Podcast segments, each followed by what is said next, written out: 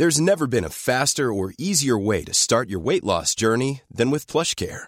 PlushCare accepts most insurance plans and gives you online access to board-certified physicians who can prescribe FDA-approved weight loss medications like Wigovi and Zepbound for those who qualify. Take charge of your health and speak with a board-certified physician about a weight loss plan that's right for you. Get started today at plushcare.com slash weight loss. That's plushcare.com slash weight loss. plushcare.com slash weight loss. Burrow is a furniture company known for timeless design and thoughtful construction and free shipping, and that extends to their outdoor collection. Their outdoor furniture is built to withstand the elements, featuring rust-proof stainless steel hardware, weather-ready teak, and quick-dry foam cushions. For Memorial Day, get 15% off your Burrow purchase at burrow.com slash ACAST and up to 25% off outdoor. That's up to 25% off outdoor furniture at burrow.com slash ACAST.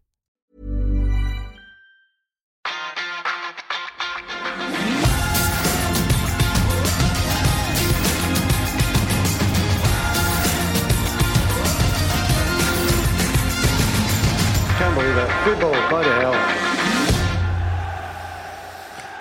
Og så puster vi ut. Vi puster ut, for vi var så klare for juling og deng og ydmykelse og de mykeste julegaver ingen vil ha, men Manchester United de kommer fra Anfield med æren i behold. Det var ingen fotballkamp for historiebøkene. Det var ikke noe god underholdning i det hele tatt, men det oppleves som litt irrelevant fordi ett poeng blir jo nesten som tre å regne i den situasjonen Manchester United er i, så derfor er julestemninga ikke så verst her, Eivind og Fredrik, er den ikke det?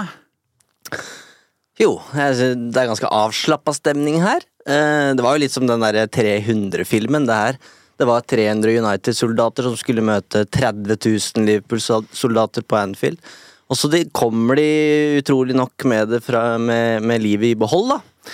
Så ja, tenk at vi sitter her med en skuddstatistikk på 34-6 og tenker sånn Tenk om Høylund hadde satt den. Mm. Tenk om. Ja, for Vi må snakke litt om den følelsen man sitter igjen med i ettertid, men jeg kan godt starte med at fy, så deilig det er å høre Liverpool-fansen drive og sutre, og van Dijk stå der i mixzone, eller i pressesonen etterpå og drive og sutre over hvordan Da veit du at det har kommet under huden på dem. så utrolig deilig det var, og det bare bidro til at selv om jeg følte på litt sånn uh, mixed feelings etter kampslutt her, så bidro det til at det føltes enda bedre når Liverpool-supporterne og spillerne holdt på sånn som snurr etterpå. For De skulle nesten tro at Liverpool skulle møte et eller annet league two-lag i eh, FA-cupens tredje runde hjemme, åpna ny stand, alt er på stell. Og dette her bare tok de for gitt. Mm. Så eh, man må jo nesten rette en takk til, til Liverpool-fansen og, og Liverpool, som rett og slett bare Dette rota de til selv, altså. Tror jeg. Absolutt. Alt lå til rette. Jeg eh, Altså, da United tapte 0-7 i fjor, Og der var du. der var jeg. Det har folk fått med seg. Der var jeg. eh, Og Feil derfor år. var jeg heller ikke der eh, i går, for det hadde jeg ikke lyst til. Men eh, var det noe som på en måte skulle tilsi 0-7, så var det jo i går i så fall. Aldri tidligere. Eh, Det laget, det laget United sender ut på av diverse årsaker, eh, gode årsaker, de har jo ikke noe annet å sende ut på der. Eh, Jeg tror Liverpool sine supportere og spillere drømte om å gjenskape den 0-7 eller 7-0-bragden. Og de var ikke i nærheten. Og det var utrolig deilig. Nå er det ikke de vi er her for å snakke om, men jeg må innrømme, eh, du så jo selvfølgelig dette her i opptak, Fredrik. Eh, Men Eivind og jeg, vi kan jo snakke litt med hverandre underveis når Manchester United spiller. Og du får jo litt den hunchen allerede i første sekundene at dette her kommer til å bli, dette blir ille. De fem første er, er, er Det er en blokk Ja. etter åtte sekunder der, tror jeg. Og så er det corner eh, etter ett minutt. Og i løpet av de første fem så tror jeg de har hatt fire-fem cornere. Ja. Og da tenker du dette blir en lang aften. Eh, og så er det noe med det når eh, Jeg var så mentalt forberedt på at dette her ble fælt. Mm. eh, men så det verste som tar deg, er jo håpet, selvfølgelig. Mm. og jeg satt der hele veien og det kommer. Den kommer. Den kommer til å komme. Og så blir du mer og mer forbanna, egentlig, for du veit at ok, da kommer han i det 94., eller et eller annet sånt, med en van Dijk foran United. Altså, på, på frisparket i 94 der, da trykker jeg på sånn 15 sekunders hopp. Den, den gadd jeg ikke å se. Og så er det da hatt Gakpo akkurat der, han så vidt over. Så det var sånn liksom, jeg, jeg også bare venta på at det skulle komme. Eh, Det som jeg virkelig tar med meg, er eh, Vi skal jo ta litt eh, mer av matchen og sånn, selvfølgelig, men jeg syns Erik Ten Hag utstråler noe bra etter kampen i går. Jeg savna litt sånn fighting spirit, litt sånn forbanna i øya. Eh, Han bjeffer litt på pressekonferansen med 'I told you' mm. til en journalist i salen der når, eh, når det snakkes om samhold i gruppa og unity og Og har selvtilliten til å bare si I told you, og så holder han kunstpause ja. fem, seks, sju, åtte sekunder og nesten blunker litt til journalistene. Det er en selvtillit jeg faktisk ikke trodde han hadde på det heller. tidspunktet. her. Og det, det er eh, Det ble jeg sånn oppriktig glad for å se, da. Ja. ja. Uh, og, uh, og spillere sier jo mye svada i disse intervjuene etterpå, men Scott McTomney er veldig opptatt av å poengtere at de står bak denne manageren. Han hadde ikke trengt uh, å, å gå så langt som han faktisk gjør, men han bør jo være fornøyd, får være kaptein og greier for, for Manchester United. Eh, men de, kommer med en prestasjon jeg ikke trodde de hadde i seg, da. Jeg trodde ikke Uh, den derre uh, enheten de fremstår som defensivt i går, alt fra Antony, som uh, jobber knallhardt defensivt, denne så jeg ikke komme, og det, og det imponerer meg. Det er en defensiv masterclass, må vi kunne kalle det. Mourinho reiste jo til Anfield med samme kampplan i 2018. Da sto jeg på bortetribunen der, og ja, vi lo jo nesten bare av det som skjedde. Da tapte de 3-1, og det Jesse Lingard var vel den siste som, som scora på Anfield. Um, men jeg tror uh, San, De kan for så vidt bare le av at United er fornøyd med ett poeng, og at uh, bare ett lag prøvde å spille fotball uh, på Anfield. Men jeg tror Ten Hag bare var ekstremt fornøyd med disiplinen. Jeg tror det var nøkkelordet hans i går. Eh, måten United sto ut matchen, altså samtlige 90 minutter, helt til Dalot vises ut, og, og, og Oliver til slutt blåser i fløyta for siste gang. Eh, og med Varan og Evans der, så Ja, det er også en del av fotballen, da. Den, den defensive fasen av spillet, og det var det United måtte mestre på, mot Liverpool den gangen her. Og så kunne de Hadde alt Hadde alt gått Uniteds vei, så kunne de faktisk stjålet med seg seieren, altså. Ja, for jeg mener at Ten Hag fortjener ros for mer enn bare opptredenen på pressekonferansen. Fordi det United virkelig har slitt med, er strukturen. Eh, og det, det så ut som man på en måte hadde trylla litt, fordi det, det så ut som dette kunne de. Og litt med største selvfølge, da. Det som vi har påpekt, at det er egentlig ganske enkelt, eh, så lenge du gjør ting riktig. Og nå, for første gang på veldig lenge, så viste de at de forsto forsvarsspill mot et av de aller, aller beste lagene, og et av de vanskeligste lagene å forsvare seg mot. Ja. Og, ja, Og det er jo første gang på lenge også Å ja, jeg skjønner og ser hva dere prøver på. ja. Jeg skjønner kampplanen her. Ja, det er greit. Og det er nettopp det også at jeg vil rose Ten Hag for, fordi at når du ser det haltende laget han sender utpå, da, med begrensa med ferdigheter og kvalitet, for det er det jo utvilsomt i min bok Elleve skader, eller elleve ute. Ja, og det er mange der som ikke egentlig er i nærheten av å skulle spille fra start borte på Anfield. Eh, og da var jeg litt redd for at Ten Hag skulle gå ut da han bare full selvtillit, vi skal spille på vår måte. Så tror jeg United også blir spilt periodevis mye lavere enn de egentlig ønsker, men du ser også tydelig at her har Ten Hag en helt annen inngang enn han vanligvis har, sånn at de skal slippe å bli spist levende. Så dette er et resultat at United får med seg de poengene basert på en plan de har, og ikke bare at det er overlatt til tilfeldighetene, og at det ble spilt lave og dermed måtte gjøre det. Han så hva som kom, og det, det forventer jeg også av Ten Hag, men der har han skuffa meg tidligere. At United reiser og er hodeløst naive til bortekamper der de bør forstå at her er vi ikke gode nok til å spille på måten vi vil. Og det innså han i går. Og så syns jeg også at de, de tør også, da. Det er jo herlig naivt når de gang på gang skal spille seg ut med det mannskapet også. Ja. Men det funka jo. jo. framme der på overtid. ja, ja. Men ikke sant, så de, de har jo en selvtillit også, tilsynelatende. Fordi når de også kjenner på at nå, nå er Liverpool-presset såpass hardt og intens at nå slår vi langt. Så de, de veksler og varierer også. Så jeg, jeg syns Ten Hag skal ha ros for kampplan og gjennomføring. Så er det noe med helheten. Vi har tidligere snakka her om at uh, Maguire er god når han får stå i boks og bare stange ut og rydde unna, men det, her var det hele laget som spilte godt forsvarsspill. Mm. På Football Manager så er det sånn eh, innstilling som heter defensiv wing. Jeg har aldri skjønt hva det Hva er en defensiv wing. Du skjønner det nå? nå? Det gikk opp fra i går. visste Antony Ja. hva det var for noe. Eh, ni stopperkonstellasjoner har Ten Hag brukt denne sesongen her. Varan og Evans trodde vel Jeg tror ikke de trodde de skulle spille sammen på Anfield, uh, men wow. Altså, Ja. ja. Og så er vi tilbake til det, og min liksom Det jeg sitter igjen med, er Uavhengig av hva du, uh, Eriksen Haag, og du, Rafael Varan, har uh, krangla om, eller hva enn Det må vi glemme. Du skal spille, gutten min, når du er frisk. Vi trenger at det glemmes, ja. Og så er det jo vi, I hvert fall jeg har mast mye om det her. Skjønner dere hvorfor ditten og datten? Og, et, og etter Bayern etter i år så skjønner jeg fortsatt ingenting, for den starter jo da med Evan som høyre stopper, selvfølgelig. Ja. Men ja, bare, jeg bare fortsetter på wowet ditt. Fordi for en match av Johnny Evans. Det påpekes at han har eh, alderen sin som draktnummer. Det er 35 år gamle, som ble avskilt av United for ti år siden. Som har vært innom West Brom og Leicester, og egentlig blitt avskilt av Leicester også da de rykka ned. Og der spilleren den matchen der, bidrar til å holde nullen på Anfield for ja, Nå nå- nå er det sist United holdt nullen på Anfield. Han og Varan helt enorme. Vi kan jo gi ordet til lytterne. Jeg tror jeg har fått flest spørsmål og innspill om Varan. Eh, Stiaka, sikkert Stian, eh, krever hyllest av Varan. To måneder i fryseboksen, men gjennomproff og leverer til terningkast seks. Trondemann, eh, at Varan ikke passer i de takti taktiske planene, viser seg å være tull. Tanker om det. Eh, Ragnar, hvordan i alle dager skal Ten Hag forsvare benkingen av?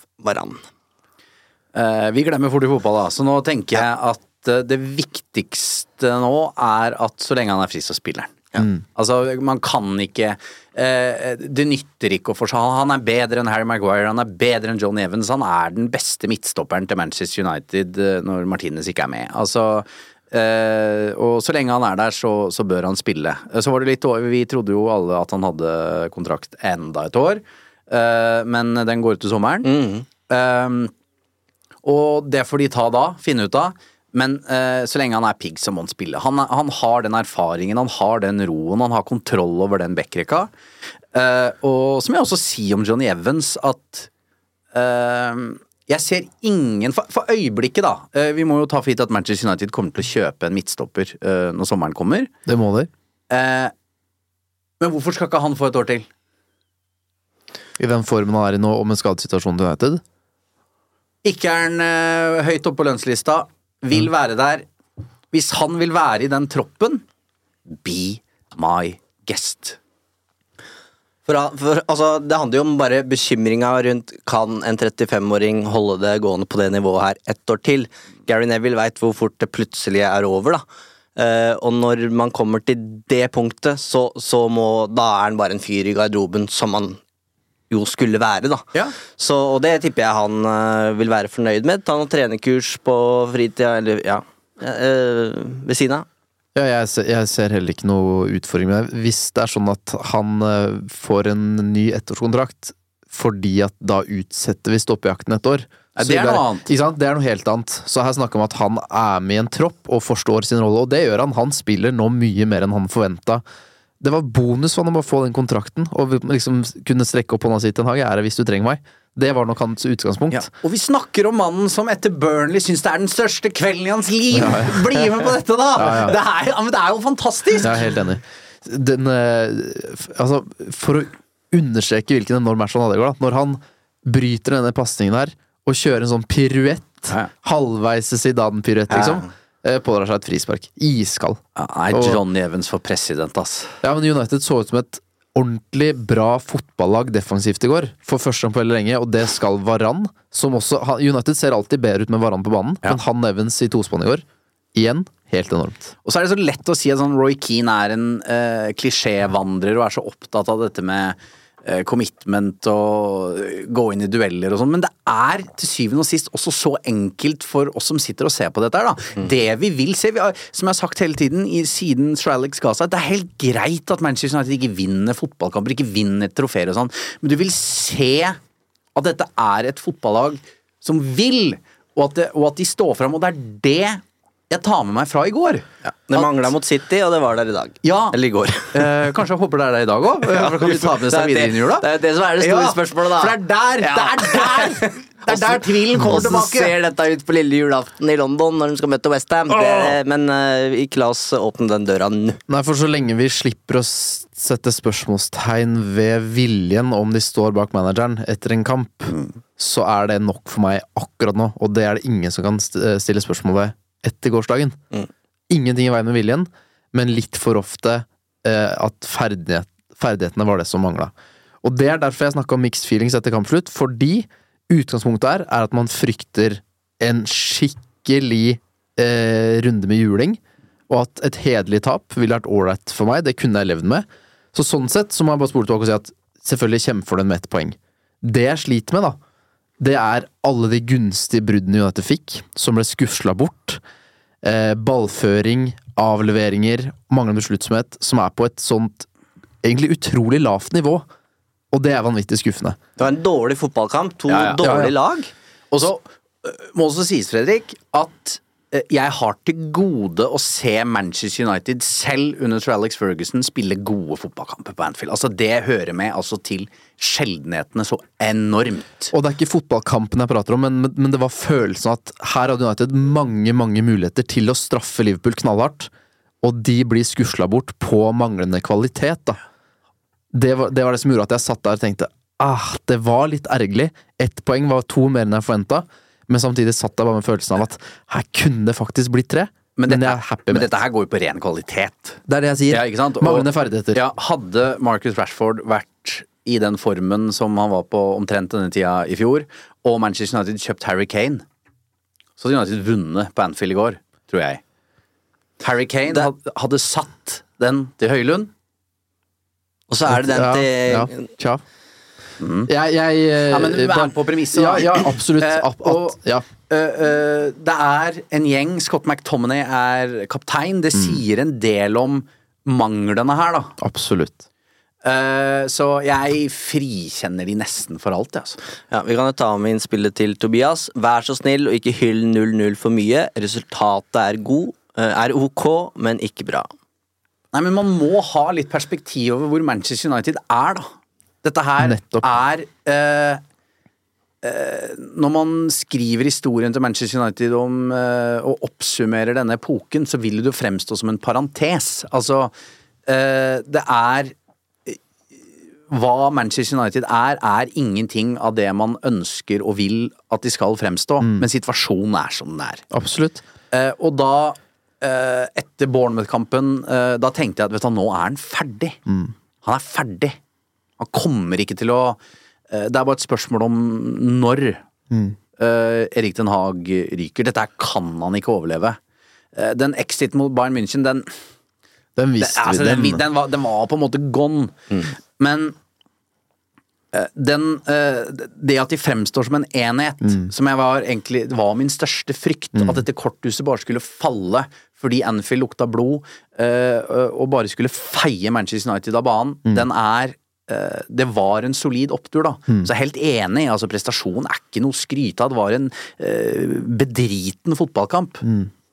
Eh, men det er litt irrelevant for meg, da. det, er, det er så mye styrke i det som skjedde uansett, da. Og alt det vi har kritisert det for at det er for dårlig for, det forbedra det inn til den matchen her. Nettopp.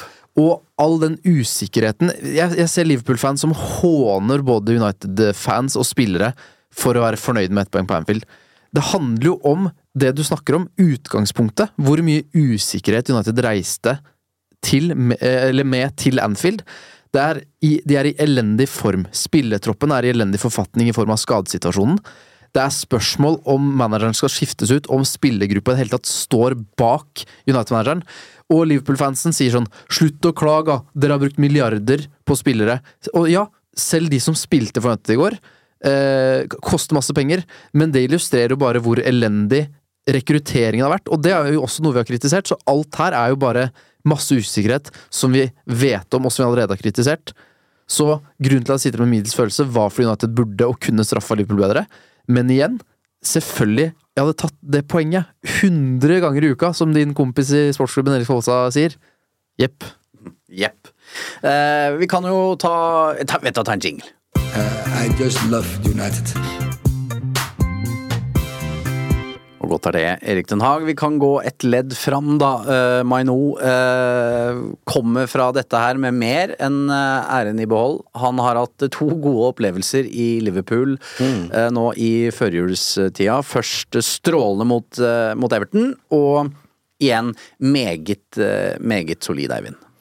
Absolutt. Og det er jo den roen da, som er der også på Anfield. Vi snakka om det her før Bayern München uff, skal han inn der som 18-åring med lite erfaring? Men han virker jo ikke stressa verken av de han møter på, på midten der, eller eh, hva som skjer på tribunen. Det er en ro der som gjør at han får Han bruker det ekstra halve sekundet da, som uh, McTominay ofte ikke får uh, brukt heller, fordi han har et dårlig touch, men som vi har sagt så mange ganger her, han har bare hele pakka, så han må bare Frøet er sådd, nå må det bare vannes uh, riktig. Og spørsmålet er jo på en måte skal han rett inn her nå og spille alt for et United-lag som kommer til å være under det samme presset her uke inn og uke ut? Han har hatt en uh, langvarig skade allerede den sesongen her, eller blir det litt forsiktig matching? Men det sier jo alt! Erik Den Haag kaster inn 18-årige Maynou på, på Anfield. Sier alt om hvilken tillit han har til, uh, til hans kvaliteter. For min del så var jeg ikke i tvil eh, om at han rent ferdighetsmessig var god nok til å spille på Anfield. Jeg var mer opptatt av kanskje United burde skåne fra den opplevelsen han kanskje kommer til å få der. Eh, det er ikke vits at han skal oppleve et grusomt tap der og få følelsen av juling, når han er en av de som kanskje bidrar med godt mot og litt entusiasme. Så det var det jeg tenkte på, at derfor kanskje dette var en match som passa Hannibal bedre. Eh, Men bare Men, for eh, å skyte inn, da. Jeg, jeg er helt enig, jeg og tenker ofte sånn med disse unggutta at de, de må matches i riktige kamper. Men han er jo en fyr som virker Han, han, han øh, Hva heter det på engelsk? Han blir liksom ikke faced av noe! Så liksom Han ville også kommet fra et 0-3-tap, tror jeg, og kunne levert eh, like bra mot Westham i, i neste helg.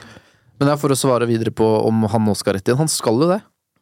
Altså, bare det å tåle Everton borte, eh, og, og prestere på den måten der, og at du går inn og gjør det samme mot Liverpool eh, Selvfølgelig mer synlig mot Everton enn Liverpool, men to, to helt vidt forskjellige kamper. Men han, han er Han er og har pakka. Mm. Han er the real deal, sånn helt åpenbart. Eh, og vi har snakka om at å nei, når får vi høre om det eventuelt er noe gærent der? Er han den gode gutten han fremstår som? Jeg snakka med en fyr før helga, og han kan bare betrygge oss om at han er like fin som han ser ut. Det er ikke noe å bekymre seg for der i det hele tatt. Så da er det skader, da. Og en eventuell kontraktsforhandling vi på en måte eventuelt må bekymre oss for. For her er det en eh, godgutt, ryddig fyr, som er null stjernenykker, ærlig, hardt arbeid. Og eh, så United, eh, også når United var velfungerende på Anfield, så er det ingen grunn til at de skal skåne han fra potensielle smeller. Spill meg nå fast framover, vær så snill. Ja, og i hvert fall nå. Altså, det handler jo om eh, mangel på alternativer òg, ikke sant? Eh, fordi det øyeblikket eh, Casemiro er tilbake, Mason Mount eh, Altså, da vil han jo i større grad kunne rullere, at ikke denne kampbelastningen blir så enorm på han, da. Men sånn som ståa er nå, så har ikke Ten Hag noe valg, tenker jeg. Eh, For eh, jeg har sagt det før, og sier det, nå har jeg ikke vært der på en liten stund. eh, siden Nei, har. Hvilket reality-program skal du være med i nå, tror jeg folk sitter og lurer på. Jeg har ikke vært noe sted. Jeg har hatt krystallsyke. uh, og det var litt sånn jeg trodde det skulle oppleves på, på Anfield i går, United-spillere, at verden bare går rundt. Men du var hakket svimlere enn de, si. Det er helt riktig. Heldigvis, uh, vil jeg si. Uh, nå mista jeg tråden. Du har vært Eh, jeg ordentlig dårlig. Ja, Du men hva, hva jeg skulle si Å, ja. før det? Uh, du har ikke vært der på en stund. Hva er dere hører? Maino, uh, midtbanesituasjonen uh, Jo! ja. Det jeg skulle si, fordi Amrabat, Ja. hans makker på midten, han eh, For meg at eh, ja, Og jeg har vært innom dette her før. eh, det er at United brukte hele sommeren og var fast bestemt på at han her, han må vi ha! Og jeg var solgt. Du var solgt, ja! vi ja, ja, ja. faktisk. Det er bare litt av beviset på dårlig klubbdrift, da. Ja, ja. eh, På, på Ja. overgangsmarkedet. Han, han er altså så Han gjør jo så godt han kan. Det var Det ikke så veldig imponert etter den ene løpeduellen der. Nei, han er altså så treig, st- stakkar. Han gjør så godt han kan. Ja, men, det men, er som, det. men som, vi har, som vi og jeg har sagt hele tiden, det er jo mentaliteten hans jeg var forelska i. Men hele, hele prosjekt Amarat var rett og slett tufta på hva han presterte i VM, og i eh, særdeleshet det returløpet i duell mot Mbappé. Ja. Så tynt var det, eh, og det var håpet. Og så gjør han så godt han kan, som du sier, og med ball syns han gjør mye fornuftig og er rolig og bidrar til at det faktisk kan spille seg ut. Men en, en Amrabat mot Liverpool som har gult kort i 75% av matchen, det er som å spille med en av mindre, fordi han kan ikke gjøre noe av det han egentlig er god på. Fordi han er for treig, så han veit at Gå inn en duell, så er jeg for seint ute og får det andre gule. Så det der var, eh, det var tungt å se på. Bokstavelig Ja, og. Guds lykke oppi dette her er jo at United ikke fikk signa han permanent. Men ja um, Vi har jo snakka med litt folk, og vi kan jo si det at eh, fagfolk fra Italia skjønte jo ikke hva i alle dager er det Manchester United skal med han derre Fiorentina-spilleren her. Ja. Ja, han leverte i et mesterskap og er god for Marokko. Eh, og ja, han har vært tidvis god i, i Serie A, men både landslagsfotballen og den italienske fotballen har jo et langt lavere tempo enn det som er tilfellet i Premier League. Så her er det fagfolk som har sittet og bare Altså, bare venta på at det, det her kommer ikke til å gå. Og, og, um, ja. og de, den greia her Nå veit jeg at man skal ikke bli historieløs, sånn sånne ting, fordi eh, Fred Ja. Fred i Manchester United Jeg vet at vi var mye misfornøyd, det var mye kritikk, han skulle ikke spille fast.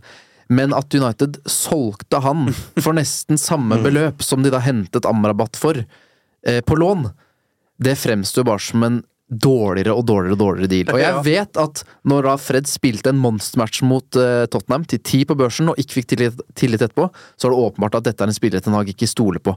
Men at han hadde kunnet spille, spilt en rolle for United i kamper der du vet hvordan kampbildet blir, med motor og energi og fart Altså, som jeg savner Fred, og han herjer jo bort i Tyrkia der. Han så, hadde vært nyttig, altså. så ser det så dumt ut eh, når Amrabat har den koblinga til Ten Hag fra Utrecht. Ja, så, ja, det var der, Graver bare i hans karriere for å finne alternativer. Ja. Uh, nei. Uh, nei, hva, nei, hva? Vi hyller meg nå, og så syns vi litt synd på Amrabat, som, som gjør så godt han kan. Ja da. Uh, han gjør jo det. Eh, og det er eh, Og det er jo litt tilbake til det som gjør poenget sterkt, da. Altså, nå er det noe jeg sånn at Amrabat han er i den United-troppen, og han er en av ytterst få tilgjengelige midtbanespillere som, som kan spille. Eh, Scott McTominay, han skal jo ikke ha den rollen han har i dette United-laget. Nei. Eh, Og da, da må jeg bare si at jeg, jeg håper virkelig at Den Haag får kontroll på den midtbanen. For nå er det jo Nå er det en nød, nødmidtbane med McTominay og Amrabat der. Og, og Maynou, han, han eh, leverer som den beste midtbanespilleren United har for øyeblikket, og det, skal, det er supert det hvis han er 18 år og kan levere det uke inn og uke ut. Men det er ganske viktig å få stabla den midtbanen på beina, og det bør, bør helst skje den, den eh, sesongen her. Og Hvis ikke, så må det i hvert fall være en klar og tydelig plan der fra første spark på ballen neste sesong. Er det Hvor skal Mason Mount spille? Hvilken rolle skal Mainu ha? Fordi jeg tror ikke det er sunt for han å bære Uniteds midtbane på sine skuldre som 18-åring altfor, altfor lenge. Da tror jeg ryggen knekker. Godt sagt.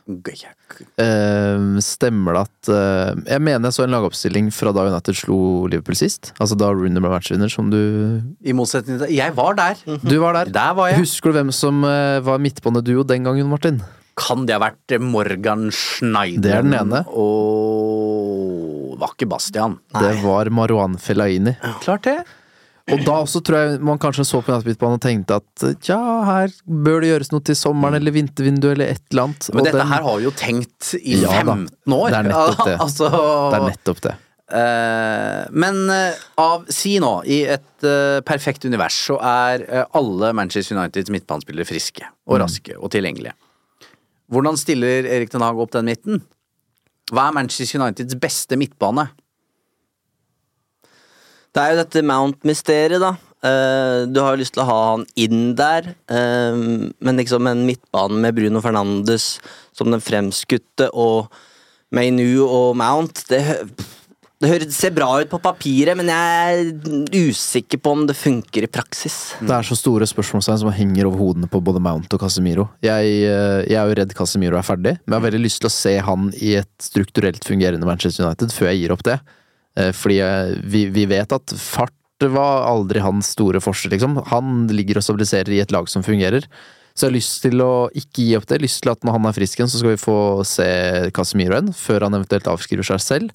Mens Mount må jo finne en rolle og begynne å fungere. Så jeg har jo ikke gitt opp den konstellasjonen, men den har jo fått en mye dårligere start enn det vi håpa og trodde.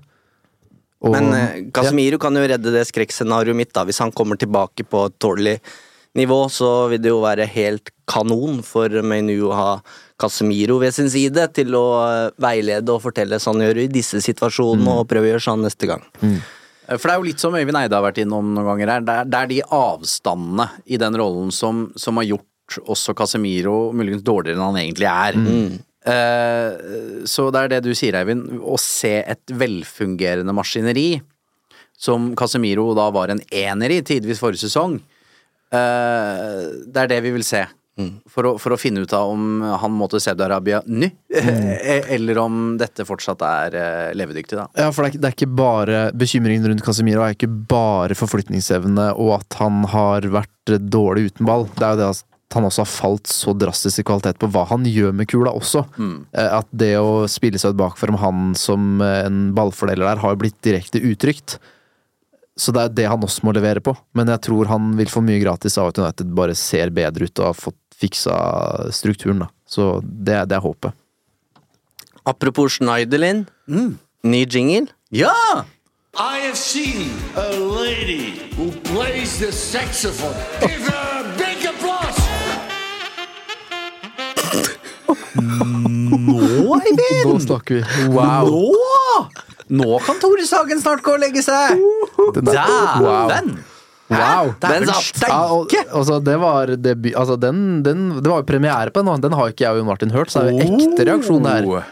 Ja, Du. den, det er ikke rart eh, Mange timer på jingleverksted med, den- med den der. ja, Hvor mye pappa har du vært i helgen? Om jeg tør spørre? Ligge der en stund. Pappa må jobbe, pappa må jobbe nå. Pappa må jobbe nå. Spilt saksofon og lært meg saksofon og spilt inn. Ja. Ja, den der var sterk. Den eh, Veldig, veldig bra. Vi er stolt av deg. Ekte stolt av deg. Ja, vet du hva, dette ble jeg ordentlig glad av. Uh, så det, nei, dette, her var, dette her var helt gull. Uh, skal vi ta litt kampsituasjoner, da? Det er jo uh, noen snakkiser her. Uh, Dalot, han blir utvist på overtid for noe forbanna rør. Hiring for your small business? If you're not looking for professionals on LinkedIn, you're looking in the wrong place. That's like looking for your car keys in a fish tank. LinkedIn helps you hire professionals you can't find anywhere else, even those who aren't actively searching for a new job but might be open to the perfect role. In a given month, over 70% of LinkedIn users don't even visit other leading job sites. So start looking in the right place. With LinkedIn, you can hire professionals like a professional. Post your free job on linkedin.com/people slash people today. Burrow is a furniture company known for timeless design and thoughtful construction and free shipping, and that extends to their outdoor collection. Their outdoor furniture is built to withstand the elements, featuring rust-proof stainless steel hardware, weather-ready teak, and quick-dry foam cushions. For Memorial Day, get 15% off your Burrow purchase at burrow.com slash ACAST and up to 25% off outdoor. That's up to 25% off outdoor furniture at burrow.com slash ACAST. Denne episoden er sponset av Hello Fresh. Nå som det drar seg mot slutten av en lang sesong, trenger vi United-supportere skikkelig næring. Med gode og ferske råvarer fra Norge gjør Hello Fresh det til en lek å lage de herligste retter fra hele verden. Du velger bare hvor mange som skal spise, og hvor mange oppskrifter du ønsker ukentlig. Så får du alle ingrediensene du trenger, levert på døra. Personlig syns jeg det beste med Hello Fresh er at du kan skreddersy din egen ukesmeny. Du kan velge fra fem forskjellige kategorier. Vegetarisk, familievennlig, rask og enkel, fisk og grønnsaker, og smaker fra hele verden. Med 25 fristende oppskrifter hver uke kan du bli like uforutsigbar på kjøkkenet som Garnaccio er på Vingen. Selv må jeg si jeg er spesielt svak for asiatisk taco og den portugisiske kyllingburgeren. Som Uno-lytter kan du få opptil 1779 kroner rabatt på de seks første matkassene dine, og gratis frakt med første leveranse. Så det er bare å komme seg inn på lowfresh.no og bruke koden FreshUnited. Dette gjelder for de som ikke har prøvd Hello Fresh ennå, og for de som tidligere har vært kunde, men som har stoppet abonnementet for minst tolv måneder siden.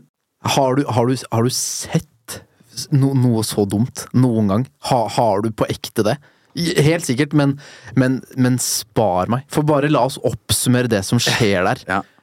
Du er Det er et returløp i det 92.-93. minutt. Fantastisk! Fantastisk jobb. Og han skal ha innkastet, og spontanreagerer med to forskjellige fakter. Tidligere i matchen så har du en Liverpool-spiller som skal ha klink gult for en albue eller slag i brystet på John Evans. Han skal ha gult for å skyte bort kula, og han skal ha gult for å ironisk applaudere. Men han, han er, det lar vi passere. Null stress, ikke tenk på det. Og jeg tenker også at det er det, det, La det være litt temperatur i en sånn match, da. Jeg sier ikke at Nunes skulle vært utvist, jeg sier at han ga dommeren tre forskjellige grunner til å gi han to gule kort i, i samme slengen. Og så få Dalot rødt kort for det der.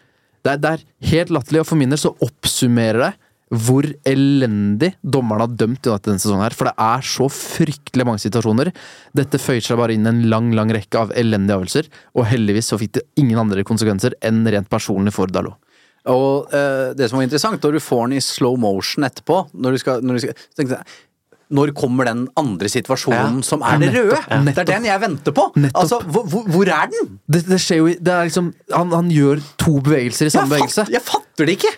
Ja, jeg er usikker, faktisk. Jeg tror ikke det fins en god vinkel på det. Men først når han skjønner at han ikke får, uh, får innkastet, så smeller han med kn- knyttneven. Og så ser du da i bakgrunnen at Oliver tar opp det gule, og så skifter de kameravinkel. Men etter, etterpå så fikk vi se eh, en ny reprise der han gjør det to ganger. Så jeg tror han hytter med neven til Oliver eh, da for andre gang, og dermed Ja. så får han rødt for det. Eller nytt gult, da. Ja, for det er jo også altså, du, det er Som dommer helt Det er null det er Det spilleforståelse. er akkurat det. Det er null forståelse for hvordan det er å spille på Anfield i uh, det 90. minutt. Den der tillater du, ass. Altså, sånn- den spontane reaksjonen der. På ingen måte. Og dette er eh, Sånn, jeg, jeg, jeg har veldig lyst til at sånn på grasrotnivå og sånne ting, så må vi bare heie fram dommerne og ta vare på dem. Sånn veldig opptatt av det. Men dette skal være den fremste Det- i England også. Så her må det være lov å kritisere, og ganske hardt også. Og for min del så er det et kjempeproblem. Jeg sier ikke at det er sånn at alle proffe fotballdommere må ha vært proffe fotballspillere, men du må ha spilt fotball og ha et forhold til noe annet enn bare regelverket, så at du kan lese klima, forstå fotballreglene og hvordan det fungerer. For her tror jeg at det er folk som ikke har spilt fotball nødvendigvis, som lager regler, og så er det dommere med en fløyte som ikke nødvendigvis har drevet med idretten sjøl. Det funker jo selvfølgelig ikke. Den blir jo avkledd fullstendig naken i sånne situasjoner som det der. Jeg kan aldri se for meg at Oliver selv har spilt på et nivå, eller kjent på det adrenalinet i kroppen som du har i en sånn situasjon. Da hadde han ikke gjort det. Det er helt elendig. Og så er det så lang avstand fra Dalot til Oliver. Ja. Jeg kan skjønne det hvis på en måte, spilleren kommer opp i ansiktet ditt Og er truende. ja, ja. Men her er det, det er så lang avstand at det er ikke noen fare for at Dalot skal eh, smelle Oliver ned på gressteppet heller. For da, da det fordømmer Ja, jeg. Sånn, det- ja. Selvfølgelig. selvfølgelig. Og så syns jeg Jeg syns jo i løpet av kampen at det er mange situasjoner der jeg tenker sånn Dette må jeg kødde, det der må jo være frispark til United. Så ser jeg i andre gang at det stadig er flere situasjoner der Liverpool-spillerne også rammes av samme eh, regelbrudd. da Hvor jeg tenker sånn greit, her er han i hvert fall ganske konsekvent og legger seg på den linja jeg mener at han burde gjøre. For problemet, problemet mitt er ofte også at det ikke er konsekvent. da Det syns jeg var ganske god på i går, og tenkte at den var bevisst på at det må være konsekvent. Og så svikter den så totalt på en så åpenbar avgjørelse. Det er ikke til å forstå. Men jeg må si, eh, jeg trodde Liverpool fikk straffespark. På Shaw, eller? Ja. Jeg Eh, også. Og det, det må jeg samtidig si takk, eh, fordi Og det hadde jeg ment også om United hadde fått straffe i, i Liverpool-boksen. Fordi hensituasjonen der det orker jeg ikke at det er straffespark. Men den var jeg ganske sikker på at han skulle blåse på. Mm.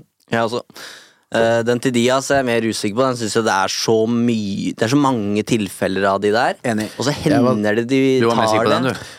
Jeg var mer sikker på den. Hensregelen stoler jeg ikke på. Kan ikke, forstår den ikke, Kom aldri til å Så hver gang det var sånne situasjoner i matchen i går hvor jeg tenkte at VAR skulle inn, så brukte jeg også 15 sekunder spoleknappen, så at jeg skulle slippe å forholde meg til det. Du ser fotballkamper omtrent Altså sånn Se, en- se 30 minutter du av en match. Nei, men Det eh, syns jeg ødelegger helt. Nei, sitter, sitter på spoleknappen. spoler, han. Er det 0-0 fortsatt, da? nei, nei, nei, og så hopper du 15 minutter. Å, 0-0 fortsatt, Nei, der jeg, der jeg vet at sånn, nå kommer det en straffe, dette gidder jeg ikke å sitte og vente fire minutter på at dommeren skal finne ut av. Men eh, når jeg da så ankelen til Diaz få litt juling på, eh, altså, på livebildene, så tenkte jeg at når dommeren skal bort og se dette i slow motion, så er det kling straffe, tenkte jeg, basert på hvordan dommerne driver og bruker dette var. Så eh, United slipper jo unna der, da, i situasjoner der jeg, basert på hvordan det har vært tidligere denne sesongen, eh, regna med at det skulle bli straffer. Vivaldi. Ja. Åssen skal- vi toppe det der, da? Det er Det er det som er problemet. Nå har jeg lagt lista så høyt. Erik Ten Hag. Landa hardt og brutalt på jorda der, ja. Var det den du skulle ha, eller? Nei. Nei. Vet Du du får en sjanse til. Ja, den. I love this game!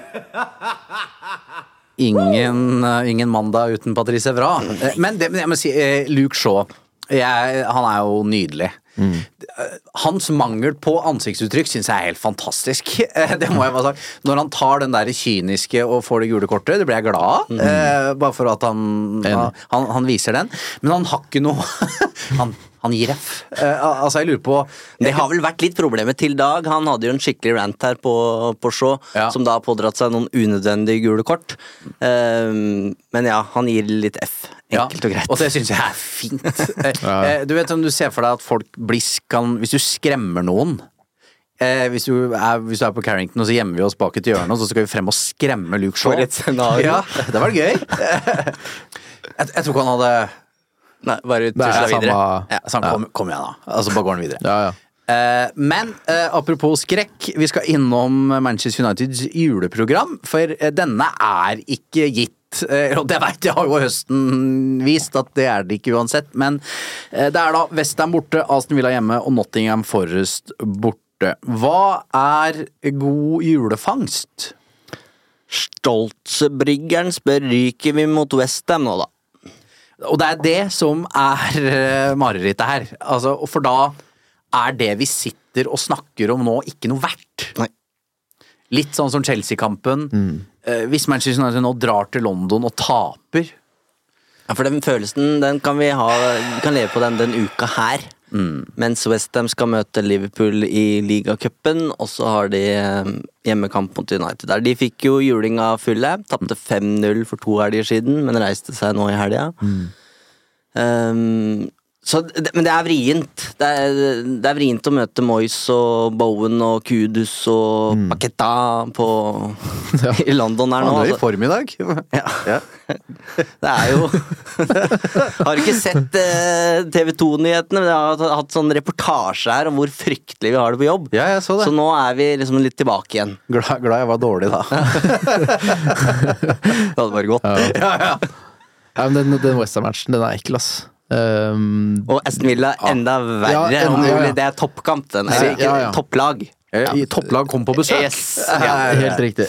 Og uh, mot Westham så kan alt skje. De kan slå hvem som helst på hjemmebane. Så igjen så er det litt sånn Det handler om hvordan ting ser ut. Resultatet får ikke noe kontrollert, men de får kontrollert hvilken prestasjon de på en måte går ut og prøver å, prøver å ha. Jeg er så lei av ett steg fram, to tilbake, og det er det jeg hele tiden frykter at skal skje, da. For da, til slutt, så er det ikke noe håp. Hvis det alltid er det som gjentar seg. Det må, vi må bygge videre på noe. Vet du hva jeg tror? Syv poeng. jeg. Oi. Ja, for eh, det er Westham eh, borte, og så er det Aston Villa hjemme andre juledag, og så er det Nottingham Forest borte. Vet du hva? Spådom fra meg nå? Seier i London, seier mot Aston Villa, U mot Nottingham Forest. Da er vi tilbake. Da har vi vært gjennom dette vendepunktet. Å, du ser usikker ut, Fredrik. Ja, jeg uh, budsjetterer med to? Fire. Det syns jeg ja, og det er ikke nok. Jeg er ikke fornøyd nei. med det, men jeg syns det er At United skal ta en eh, Altså, det kan bli tap i London, det kan bli tap hjemme mot uh, ja, Så da budsjetterer jeg med seier bort mot uh, Forest, da. Mm. Og så kan alt skje de to andre matcha. Jeg syns Aston Villa ser fryktelig god ut. Gjør det, vet du.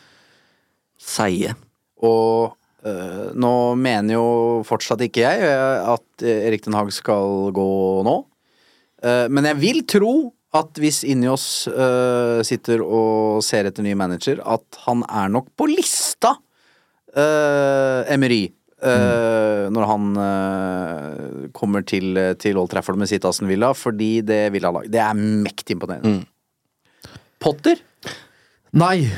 Så absolutt Wow. ikke. Daniel. Custy slo jo øh, det, det, Hvis, hvis Injos kommer inn, og så er det Potter de har tatt med seg Det er jo ingen grunner til å skifte ut en Hag da. Fordi, altså, sånn, Bare la meg si det, da. Ja. Selvfølgelig er jeg imponert over hva Potter har fått til, og jeg tror han er et taktisk geni, jeg. Mm. Men eh, oppgaven i Chelsea blei for stor. Så bare glem United. Bare Mm. glem United. Da er det Ja, bare glem det. Jeg er enig. Skal vi ta noen spørsmål? Ja. Um, ha 1000 spørsmål, så velger heller to svar. Varan skal spille, og 0-0 borte. Det er bra, skriver A- AX Slettan. Aksel Slettan, er det vel. Eh, mange som har spurt om eh, Varan, det har vi vært igjennom. Vi har eh, for så vidt hylla Ten Hag. Jeg tror også vi um, har svart på spørsmålet til Wilhelm, som ville ha uh, på en skala fra 1 til 10, hvor latterlig er det røde kortet til Dalot? Um, så kan vi ta spørsmålet til David. Apropos defensive vinger. Antony som mulig fremtidig løsning på høyre bekk. Begrensa offensivt, men jobber knallhardt defensivt.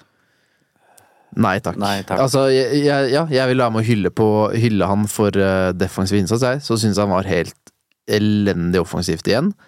Eh, men i går var det forsvarskampen som primært var viktig. Men det var jo mer evnen til å følge mannen sin, være ærlig i returjobben, enn at det er posisjonering og én mot én eh, defensivt som er så god. Det jeg kunne tenkt meg å ha sett, er eh, Antony løpe 60 meter.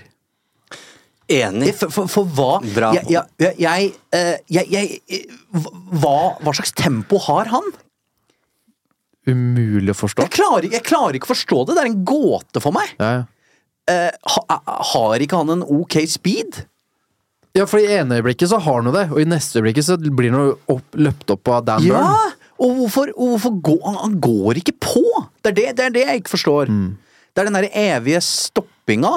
Er det mangel på selvtillit, eller er det fordi du er for treig?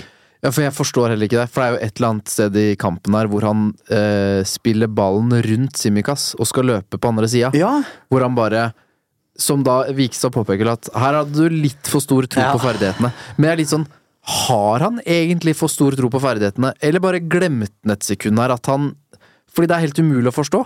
I det ene øyeblikket så, så bruker han fart som sin måte å passere folk Ja. på, og i neste øyeblikk der du tenker at nå skal han inn, skjære inn foran sin bekk, inn i banen og skyte, så vender han heller hjem fordi han ikke stoler på farta si. Så det er helt umulig å bli klok på, og det er også en av grunnene til at jeg tenker at det Antony-prosjektet, selv om han har kommet tilbake, vært elendig, blitt ganske god igjen, og nå falt tilbake til et nivå som ikke er godt nok, så blir jeg bare mer med at jeg, jeg kan ikke skjønne åssen dette skal bli en suksesshistorie. Jeg er, jeg er enig. Jeg syns det liksom stinker Serie A-en. Syns det stinker Tyrkia. Galatasaray. Nei, Innom Serie A først. Ja, ja, Ja. Ender opp i Tyrkia. Ja, men hvem, Hvem hvem skal ikke ikke dit? Det, det, er, eh, det er ikke noe å si. Skam. Polisam 7, som vi vel har møtt på Crown Plaza, hvis jeg ikke tar feil, eh, i Manchester. Hva er siste nytt på skadefronten med Mount og Eriksen, egentlig? Og da, da går faktisk først og fremst uh, lenge siden vi har snakka om Christian Eriksen. Og da går faktisk tankene tilbake til København. Den, denne historien her kommer du til å like, Jon Martin. Nå synker jeg litt neste år tror jeg. Vi tar oss tid til den. Altså, vi er på pressekonferanse i Parken. Eh, mye presse. Eh, vi veit at her får vi sannsynligvis ett spørsmål til Erik Den Haag. Det, eh, skal, eh, det skal Fredrik stille. Eh, og så blir vi enige om at hvis vi får Hvis også jeg får stille et spørsmål, for det er kamp om, det er kamp om minuttene der, eh, så skal jeg spørre Christian Eriksen om noe, som også sitter på, på podiet. Eh, og så er det Jeg føler dette skal gå utover Fredrik. Ja, ja, får ja. Og, og da er det Jeg ser det på, ser det på trynet til Fredrik. Det viktigste er at det ikke gikk utover noen andre enn oss. Men ja, poenget er um, Lokalavisene i Manchester får snakke først og sånn. Dette var jo før, eh, før de var utestengt, selvfølgelig. Um, Og så får eh, Fredrik et tegn fra Andrew Ward, som er pressesjef. You're next. Eh, Fredrik tar ordet, mikrofon og greier. eh, Stiller et godt spørsmål om Rasmus Høylund. Rasmus Høylund. Får et, eh, et fint svar. Og så, mens, mens eh, Fredrik lytter intenst til Ten Hag, så får jeg et tegn av Andrew Ward. Nå er det deg. Du tar mikken etter Fredrik. Og jeg gjør meg klar, har forberedt et spørsmål også om Høylund. Eh, og så er Ten Hag ferdig, og så sier Fredrik ehm, Og Christian, uh, hva tenker du om Høylund? Og da veit jeg, i det øyeblikket der, så skjønner jeg Nå har jeg ti til tolv sekunder på å trylle fram et nytt spørsmål, som helst skal være litt over middels, uh, foran eh, verdenspressen her i parken. Og Og det blikket der fra Martin, det er så, det er så velfortjent. Det er jo her- verdens dette- verste Vet du hva? Vi, vi tre, vi tre, Fredrik, vi er et lag. Vi er sammen for å erobre podkastverden på Manchester United-fronten. Da må vi spille hverandre gode. Ja, ja. Dette her Dette her, Filtvedt! Og så du, min sønn Brutus. Det er horribelt. Eivind, at du i hele tatt gidder å sitte i samme rom med han. ja, ja altså, jeg, jeg står i evig gjeld. Eh, Om du gjør? Om jeg gjør. Det her er Altså, det er Hvor skal man begynne? Fordi eh, jeg Altså, det er så fryktelig opptreden av meg at vi, eh, vi, hallo, vi har ledd av det her. Vi lo av ja, det i parken, og vi lo av det når vi eh, spiste nattmat på Mækkern, og ikke noe problem. Det var, det var ja, gøy, gøy, fordi men- vi landa på beina. Men i verste fall så hadde Uno sett eh, ganske fjåse ut der. Hvis jeg Det, det å få den mikken, da, og skulle, du kan spørre Ten Hag og Christian Eriksen nesten hva du vil. Eh, Du må bare tenke litt på hva det som kan eh, føre til utestengelse her. Det er en privilegert greie. Det er ikke så ofte du får muligheten til det. Og hvis jeg hadde liksom måttet sagt eh, Nei, jeg, jeg tror jeg bare sender mikken videre. Er det noen andre som har lyst? Det hadde sett ganske ille ut. Eh, Og så var ikke det spørsmålet jeg stilte. Det var ingen Pulitzer-greie, men, men vi kom Hva, Vi landa men hva var da spørsmålet du stilte? Spørsmålet, og da gikk jeg Og det var riktig journalistisk vurdering. Gikk til Christian Eriksen, da ikke til Ten Hag. Eh, Og så spurte jeg eh, What's at stake tomorrow? Vet du hva? Det er et klassisk Hva skal jeg kalle Det er et Sky Sports-spørsmål, Eivind. Og det er helt greit. Og la meg ta dere med på reisen, da. Fordi nå, nå tar jeg Er det forsvaret ditt nå? Nei, nei, nei. Skal ikke forsvares. Jeg skal liksom Fordi det, det jeg Jeg har ikke fått med meg noe av dette med at Eivind er nestemann som skal få mikrofonen. Så det jeg tenker Vi har lagt en plan på forhånd. Så tenker jeg at ok, nå som jeg først har fått mikrofonen, så griper jeg sjansen. Litt som en mann på karaoke. Det har først Helt- fått los etter låt én, og så skal jeg gønne på med ny slager. Og dere som kjenner meg, kan jo Dere kan jo se for dere hånda mi jeg skal ta imot den mikrofonen da fra den presseansvarlige. Det er jo Aspeløv. Jeg er jo selvfølgelig Det er jo Jeg syns det er en nervepirrende setting. Det er liksom hele verdens Alle verdens øyne rettet mot deg, føles det ut som. Men det, jeg får ikke med meg at jeg tar innersvingen på Eivind og spiller han fryktelig dårlig. Det får ikke jeg med meg før etterpå. Så når jeg hører Eivind sitt spørsmål, så tenker jeg Var det det du klarte å dra opp fra din hatt? Er det, er det, er det Så Ja, ja. Fy faen. Så jeg tenker liksom Altså, er det mulig? Her får du Eriksen, og så er det, er det det du spør om? Men for en er du- moral i Holt, da. Her, altså, Ja, ja. Her, her setter du en sylskarp uh, kniv i ryggen Ja, ja. på, på egen lagkamerat, og så klarer han å diske opp de herligste Ja, ja. jingler fortsatt. At han fortsatt er her og vil jobbe med deg. Nei, dæven altså, holdt. Jeg, la meg, jeg, jeg ba om en uforbeholden unnskyldning, og du, du Altså, dere alle veit hva slags type Eivind Holt er. Det er en, det er en like fantastisk fyr som det dere trodde. Glad Så det ikke- glad det ikke var meg, du. ja, du hadde jo drept meg. Du hadde jo kalkvært meg på ekte. Det hadde du gjort. Men Ikke tenk på det. Ja, men en gang så husker jeg da, eh, da jeg var i TV 2 eh, og bodde i England, så skulle jeg på pressekonferanse med, med Ferguson. Eh, Champions League-pressekonferanse. Da akkurat da Ole Gunnar Solskjær hadde vunnet sitt eh, første ligagull med Molde. Uh, og det var vel da United var litt i trøbbel i gruppa si i Champions League. Uh, Samla pressekonferansen da var på Old Trafford. Uh, og, så, og da var det ikke sånn, da Karen Shotbolt eh, var pressesjef der, så var det ikke sånn at hun pekte, du måtte kjempe. Du måtte nesten ro Den som ropte først, fikk spørre. Og da var det veldig tydelig bestilling fra sjefen i TV 2 at vi må ha Ferguson om, eh, om Solskjær.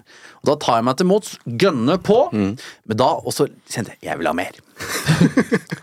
Eh, og da eh, gjør jeg det. Og, begynner, og da var neste spørsmålet Kan eh, Ole Gunnar Solskjær bli United-manager en dag? Er, er mitt spørsmål. Men det sukket jeg fikk av de andre engel... Resten av pressekorpset, at han der i kølla fra Norge skal stille et spørsmål til om Solskjær Den kollektive sånn Hold kjeften din! Det, er, det, var ganske ekkelt å kjenne på, og de så på meg sånn Kan, kan, du gå? Vi vil ikke ha det her.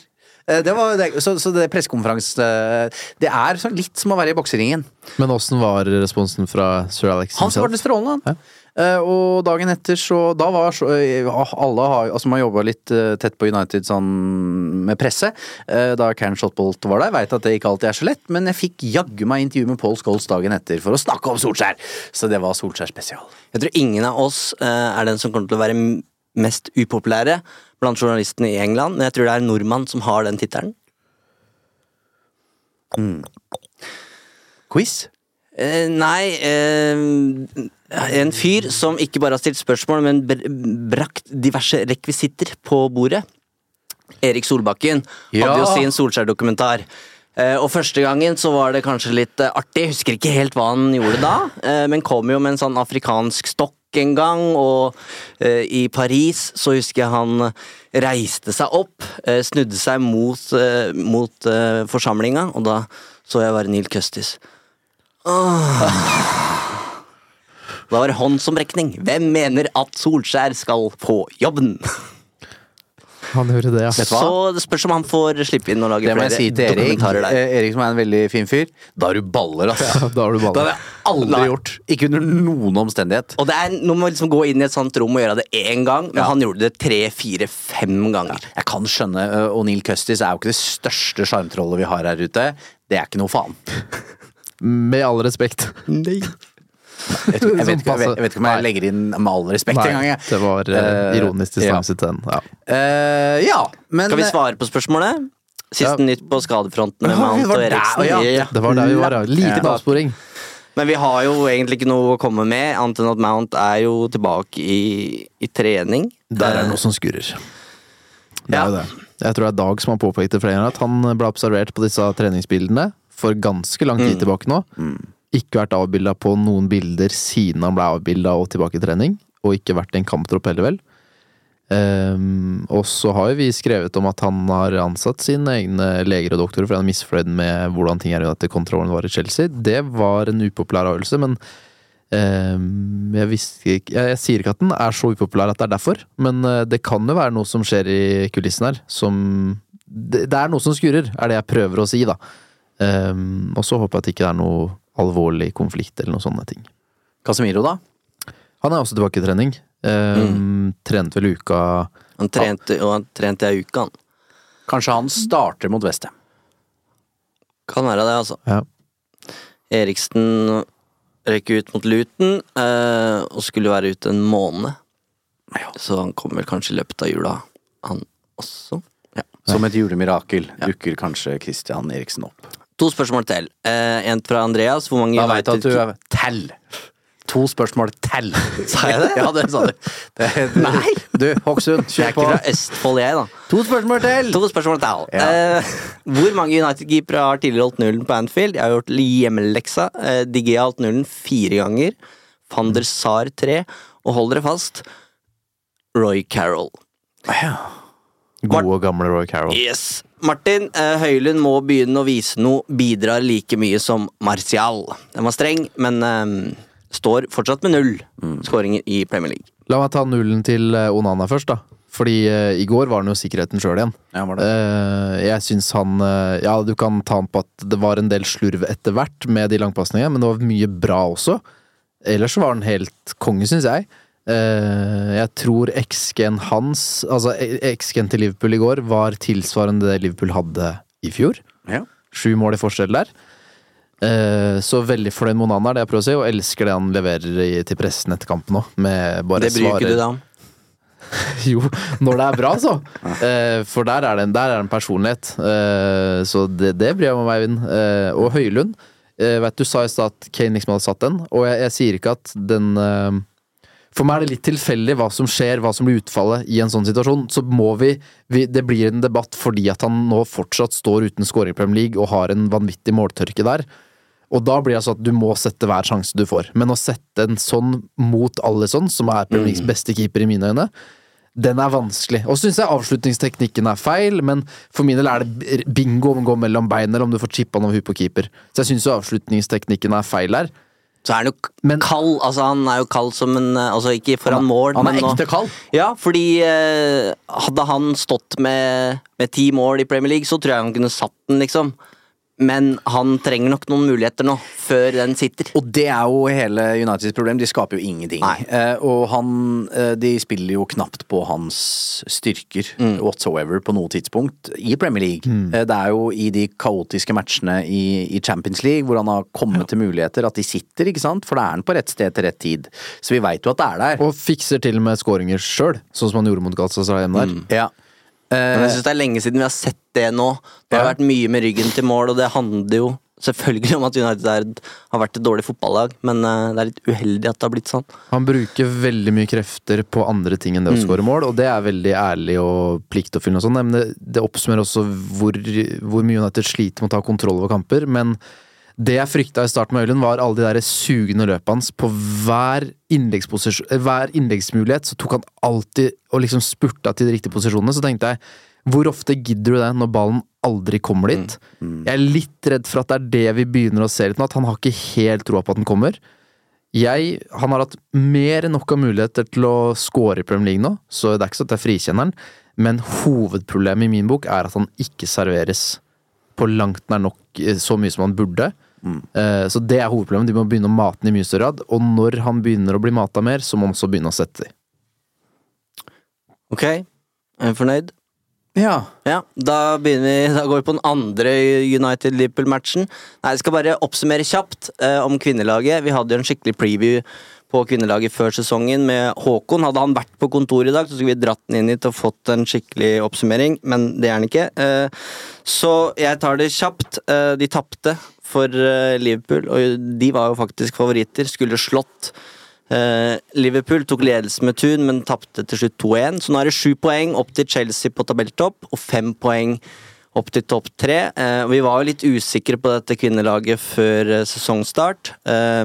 Mange utskiftninger. Og som vi sa da, du har ikke råd til mange feilskjær. I hvert fall ikke hvis du skal vinne ligaen, men også rundt topp tre så er det så så, så mange om beinet at du kan, kan ikke avgi så mange poeng. Og nå har de avgitt eh, mot Liverpool da, og også mot Leicester og, og Brighton i matcher som de nok skulle vinne i, og de altså gikk jo ikke videre til Champions League. Røyk ut der for PSG, og i går så glefsa Mark Skinner lite grann faktisk, og sa at United skulle vært mer aggressive på markedet i sommer. Så spørs om han er helt fornøyd med det de fikk, eh, fikk der. Eh, så de tar juleferie med litt sånn mixed eh, feelings, tror jeg. Enkelt og greit. Ja, og mixed feelings eh, er det vel mange som sitter igjen med i det hele tatt eh, etter denne United-helgen. Men aller først, eller først og fremst, så har det vært en opptur for Manchester Uniteds eh, herrelag. De holdt nullen på Anfield. De kollapsa ikke, sånn som Fredrik gjorde på pressekonferanse i København. Men vi står sterkt, vi.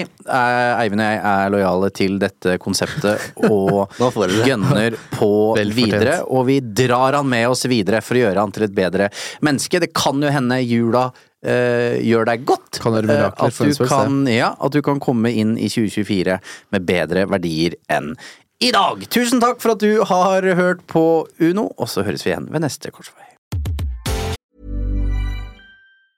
Mom deserves the best, and there's no better place to shop for Mother's Day than Whole Foods Market. They're your destination for unbeatable savings, from premium gifts to show-stopping flowers and irresistible desserts. Start by saving 33% with Prime on all body care and candles. Then get a 15-stem bunch of tulips for just $9.99 each with Prime. Round out Mom's menu with festive rosé, irresistible berry chantilly cake, and more special treats. Come celebrate Mother's Day at Whole Foods Market.